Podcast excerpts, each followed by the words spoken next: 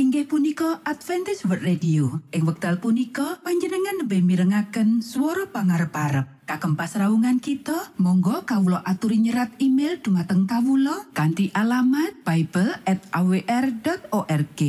utawi panjenengan uki saged layanan kalian Kawulo lumantar WhatsApp kanti nomor plus setunggal saged layanan kalian Kawulo kalh kalh sekawan kalh kalh kalh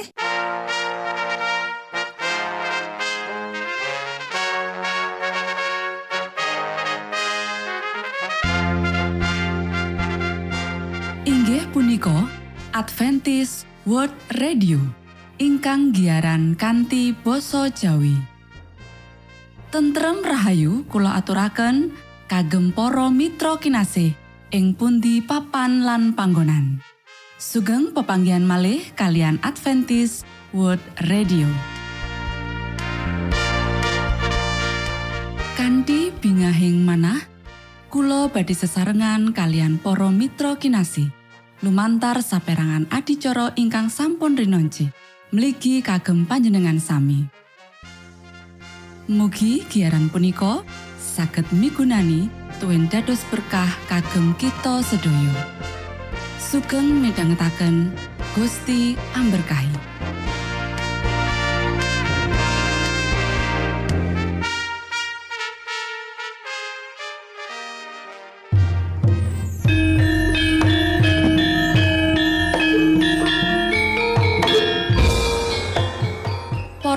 Pamirsa kinasih ing Gusti Yesus Kristus. Ing wekdal punika, kita badhe sesarengan ing adicara ruang kesehatan.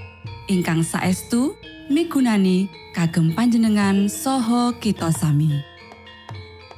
Tips utawi pitedah ingkang dipun aturaken ing program punika tetales dawuhipun Gusti ingkang dipunnyatakaken ing kitab suci. Semanten ugi sakehing seratan ingkang dipun wangsitaken dening Gusti Allah. Nanging saderengipun, monggo kita sami midhangetaken kidung pujian.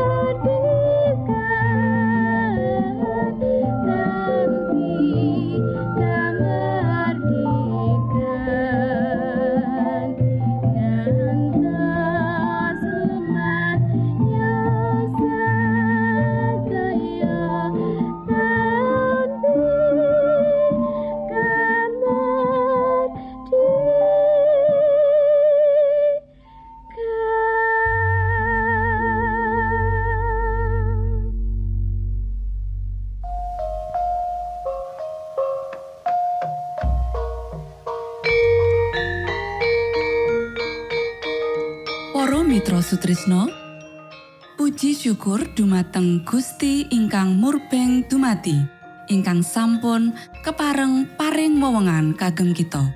Satemah saged nglajengaken ruang kesehatan.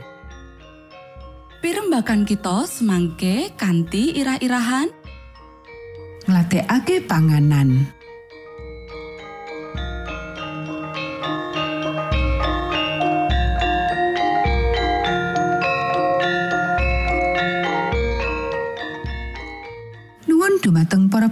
pamiarsa ingkang dahat kinormatan sugeng pepanggihan malih kalian kula Isti Kurnaidi ing adicara ruang kesehatan ing dinten punika kanthi irah-irahan ngladekake panganan. Para sedherek ingkang kinasih, sawijining kesalahan menawa mangan mung sekedar maremake selera. Nanging ora kena ana kaliruan tumrap mutu panganan utawa cara ngladekake. Menawa panganan sing dipangan iku ora kanthi ati seneng, awak ora pati etuk kasihate. Panganan kudu dipilih kanthi ngati-ati lan dilatihake kanthi pinter lan terampil. Kanggo gawe roti, tepung terigu putih sing alus dudu sing paling apik. Panggunaane ora nyehatake lan orang ngirit. Roti tepung alus kurang ngandut unsur gizi, kaya sing ana sakjroning roti sing digawe saka tepung kasar. Glepung putih asring dadi panyebab sembelit lan kahanan sing ora sehat liyane. Para sederek, panggunaan soda utawa pupuk pengembang utawa baking powder sakjroning gawe roti bebayani lan ora perlu. Soda nimbulake peradangan lambung lan asring ngracuni kabeh awak. Akeh ibu rumah tangga mikir menawa dheweke ora bisa gawe roti kanthi cara apik tanpa soda, nanging iki keliru. Menawa dheweke gelem nyinauni cara-cara sing luwih apik, mula rotine bakal luwih nyehatake lan kanthi cita rasa sing alami roti iku bakal luwih sehat. Para sedherek ingkang kinasih, Gusti Allah medhar sabda. Delengen, lato sira iku padha sun paringi sarupane tetekulan ing salumahing bumi kang mawa wiji. Lan sarupane wit-witan kang metokake woh mawa wiji, iku dadi panganira. Sakjroning gawe roti sing nganggo ragi, susu ora oleh digunakake dadi gantine banyu. Gunakake susu nambahi wrakat. Susu bakal gawe roti kurang sehat. Roti susu orang gawe rasa legine tahan suwe sawise dipanggang dibandingke karo dicampur karo banyu. Ing weteng, roti difermentasi luwih cepet. Para sederek, roti kudu enteng lan legi. Aja dinengke nganti roti rasane kecut. Roti kudu cilik supaya bisa dipanggang kanthi temenan sakbisane mateni kabeh ragi. Roti nganggo ragi nalika isih panas utawa nembe diangkat, jinis apa wae angel dicerna. Roti kasebut aja dicawisake ing meja nedha. Mesti wae aturan iki ora diterapake kanggo roti tanpa ragi. Adonan seger saka glepung gandum tanpa ragi dipanggang ing oven sing cukup panas enak lan nyihatake. Para sedherek ingkang kinasih, wiji-wijian sing digunakake kanggo bubur kudu dimasak pirang-pirang jam. Nanging panganan empuk utawa encer kurang nyihatake dibanding karo panganan sing garing sing perlu dimamah kanthi triti. Roti sing dipanggang maneh iku salah sawiji jenis panganan sing paling gampang dicerna lan sehat banget. Mugi roti bisa ditugel-tugel lan digaringke sakjroning oven anget nganti kabeh kalembapane ilang. Banjur dienengake nganti wernane setitik rada kecoklatan sakabehe. Menawa disimpen sakjroning wadah sing garing, roti iki bisa disimpen luwih suwe tinimbang roti biasa. Lan menawa dipanaske maneh sadurunge dipangan, bakal padha segere karo roti anyar.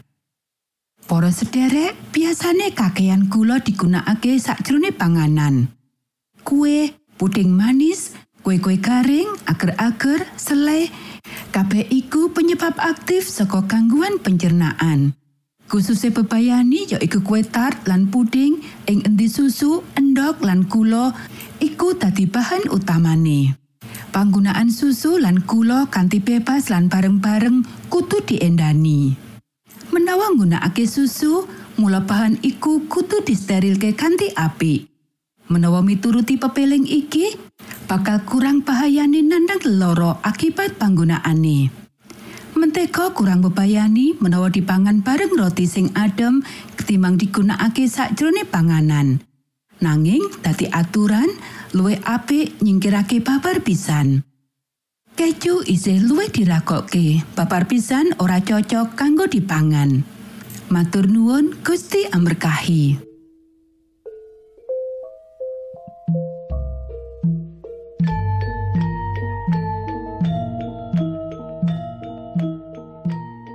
Cekap semanten pimbakan ruang kesehatan ing episode dinten punika. Ugi sampun kuatos jalaran kita badhe pinanggih malih ing episode sak lajengipun.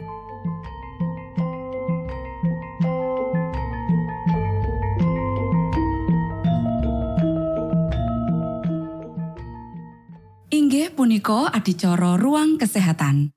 Menawi panjenengan gadah pitakenan utawi ngersakaken katrangan ingkang langkung, monggo kulo aturi.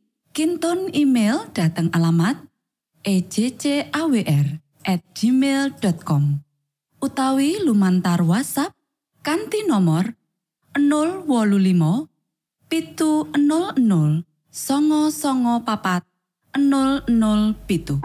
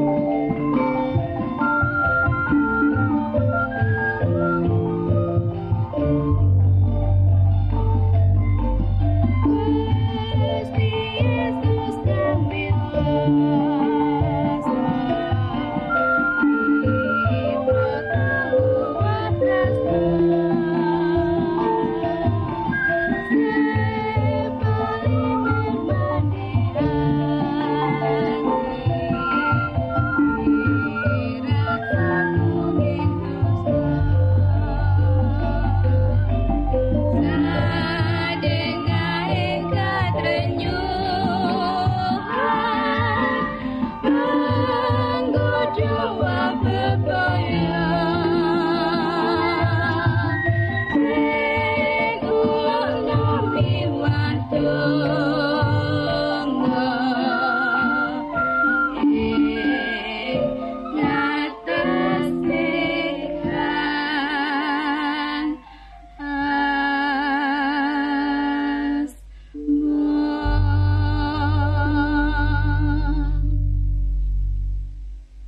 Saklajengipun, monggo kita sami midhangetaken mimbar suara pengharapan. Angkat nafiri kanti pawarto Sang Kristus paderamu Pro umat samyo puji asmanyo Sang Kristus paderamu Inggih punika mimbar suara pengharapan. Ing episode punika kanthi irah-irahan Menapa tegesipun sabdanipun Gusti kagem kita? sugeng minangka tondo Sang Kristus paderamu ilmu kawero tambah tambah. Sang Kristus paderamu paderamu paderamu Sang Kristus paderamu Shalom para pamiarsa ingkang kinasih wonten ing Gusti. Sakmenika kita badhe mitangetaken renungan Sabto pangantikanipun Gusti. Ing dinten punika kanthi irah-irahan menapa tegesipun sabdanipun Gusti kagem kita Para sedherek ingkang kinasih dawuh pangantikanipun Gusti wonten ing kitab kalih Timotius pasal kalih ayat gangsal welas inggih punika Utinen supaya padha pantes ana ing ngarsaning Allah anggonmu dadi juru lelati kang ora usah izin. Kang ngundangake pangantikaning kayekten iku kalawan tanpa tedeng aling-aling. Para sedherek ingkang kinasih, Kitab suci isinipun sistem teologi lan filsafah prasaja lan jangkep. Inggih menika buku ingkang damel kita wicaksana tumuju dumateng kawilujengan.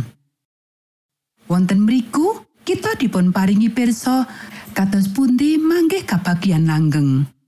Maringi pirsa kita perkawis tresno asihipun Gusti Allah kados dene sampun dipun tedahaken salebetipun rancangan panebusan. Nanemaken pangertosan ingkang wigatos kagem sedaya tiang. Pangertosan perkawis Sang Kristus. Panjenenganipun menika dutanipun Gusti Allah. Panjenenganipun menika pangripta kawilujengan kita. Namung lepat saking sabdanipun Gusti Allah, kita mboten gadah pangertosan bilih Gusti Yesus nate ngrawuhi jagat. Mboten ugi pangertosan perkawis keilahianipun kados dene katitik kalian lenggahipun ingkang saderengipun sesarengan Sang Rama. Para sederek, kitab suci boten dipun serat kagem para sarjana mawon. Kosok wangsulipun menika dipun rantam kagem kawula sedaya. Kalersan-kalersan ageng ingkang dipun perloaken kagem kawilujengan kita dipun damel gamblang kados yang ari lan boten wonten ingkang lepat utawi nyingkur kejawi tiang-tiang ingkang ngetut uri pemanggihipun piyambak kantosipun karsanipun Gusti Allah ingkang kanthi gamblang dipun andharaken. Sabdanipun Gusti Allah ngetingalaken saben tindakan wiyosipun kapribatosan ingkang klentu lan metha sedaya jati dirinipun tiang saking lebet utawi saking jawi. Nyingkiraken raos gumunggung lan nginggilaken diri nuntun tiang menika ngasta roh Kristus dumateng saklebetipun cecibahan-cecibahan pagesangan ingkang alit utawi ingkang ageng. Sabdo menika mucalaken sedaya tiang kagem tetep setya dumateng keadilan lan kamurnen lan wekdal ingkang sami tansah sae lan welas asih. Para sedherek ingkang kinasih, pangajeng-ajeng dumateng kitab suci tuwuh nalika nyinaoni. Dumateng pundi kemawon ancas ingkang dipun tuju ingkang nyinaoni kawicaksanan langgeng lan tresno asihipun Gusti Allah dipun tedahaken. Dumateng sedaya tiang ingkang estu-estu mratobat, sabdanipun Gusti Allah menika sukareno lan panglipuran saklebetipun gesang. Roh Gusti Allah ngendika dumateng tiang-tiang lan manahipun dados kados taman ingkang subur. Para sedherek ingkang kinasih, boten wonten pangertosan ingkang sanget kiat, sanget mesti, sanget wiyar, ingkang dipun gesangaken lumantar sih palinirmanipun Sang Kristus. Sabtanipun Gusti Allah badhe damel kita sampurno ing jagat menika kanthi setunggalipun kapribatosan ingkang dipun condongaken kalian pagesangan langgeng ing wekdal ingkang badhe dateng. Tiang-tiang ingkang nyinaoni sabda nampi salebetipun kapitatosan dados kaleresan lan gesangaken wonten ing kapribatosan badhe sampurno ing salebetipun panjenenganipun.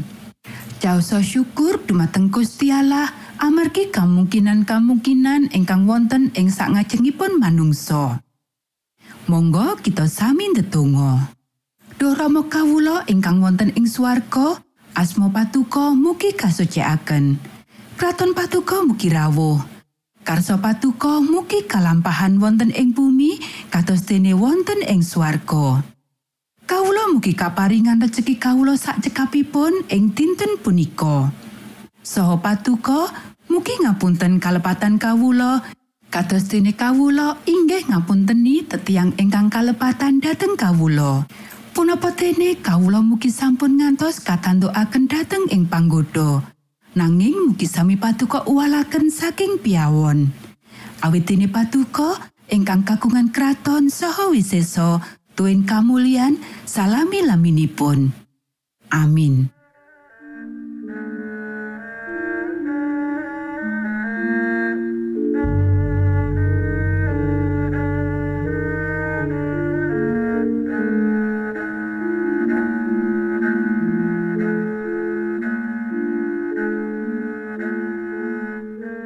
Para Mitra Sutrisno pamiarsa kinasih ing Gusti Yesus Kristus. Sampun paripurno pasamuan kita ing dinten punika.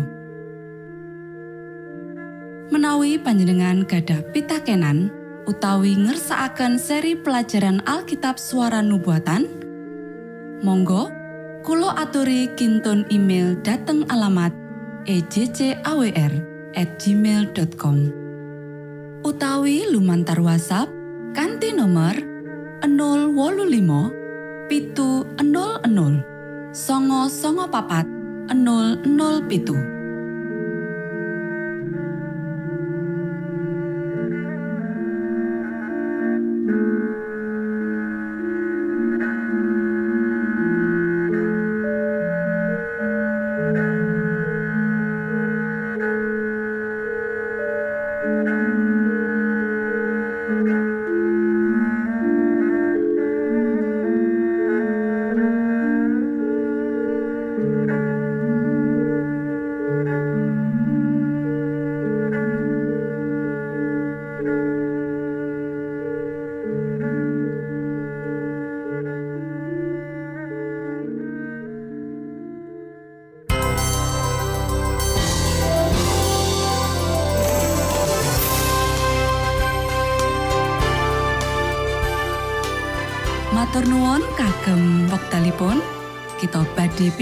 malih ing gelombang ugi wekdal ingkang sami. Saking studio kula ngaturaken tentrem rahayu. Gusti amberkahi kita sedaya. Maranatha.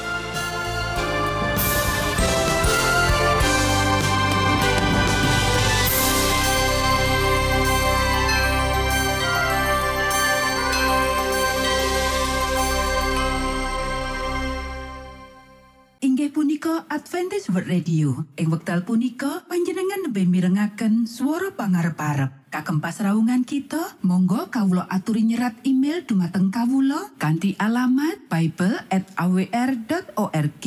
Utawi panjenengan ugi saged layanan kalian kawula lumantar WhatsApp kanthi nomor plus setunggal saged layanan kalian kawula kalih kalih sekawan kalih kalih kalih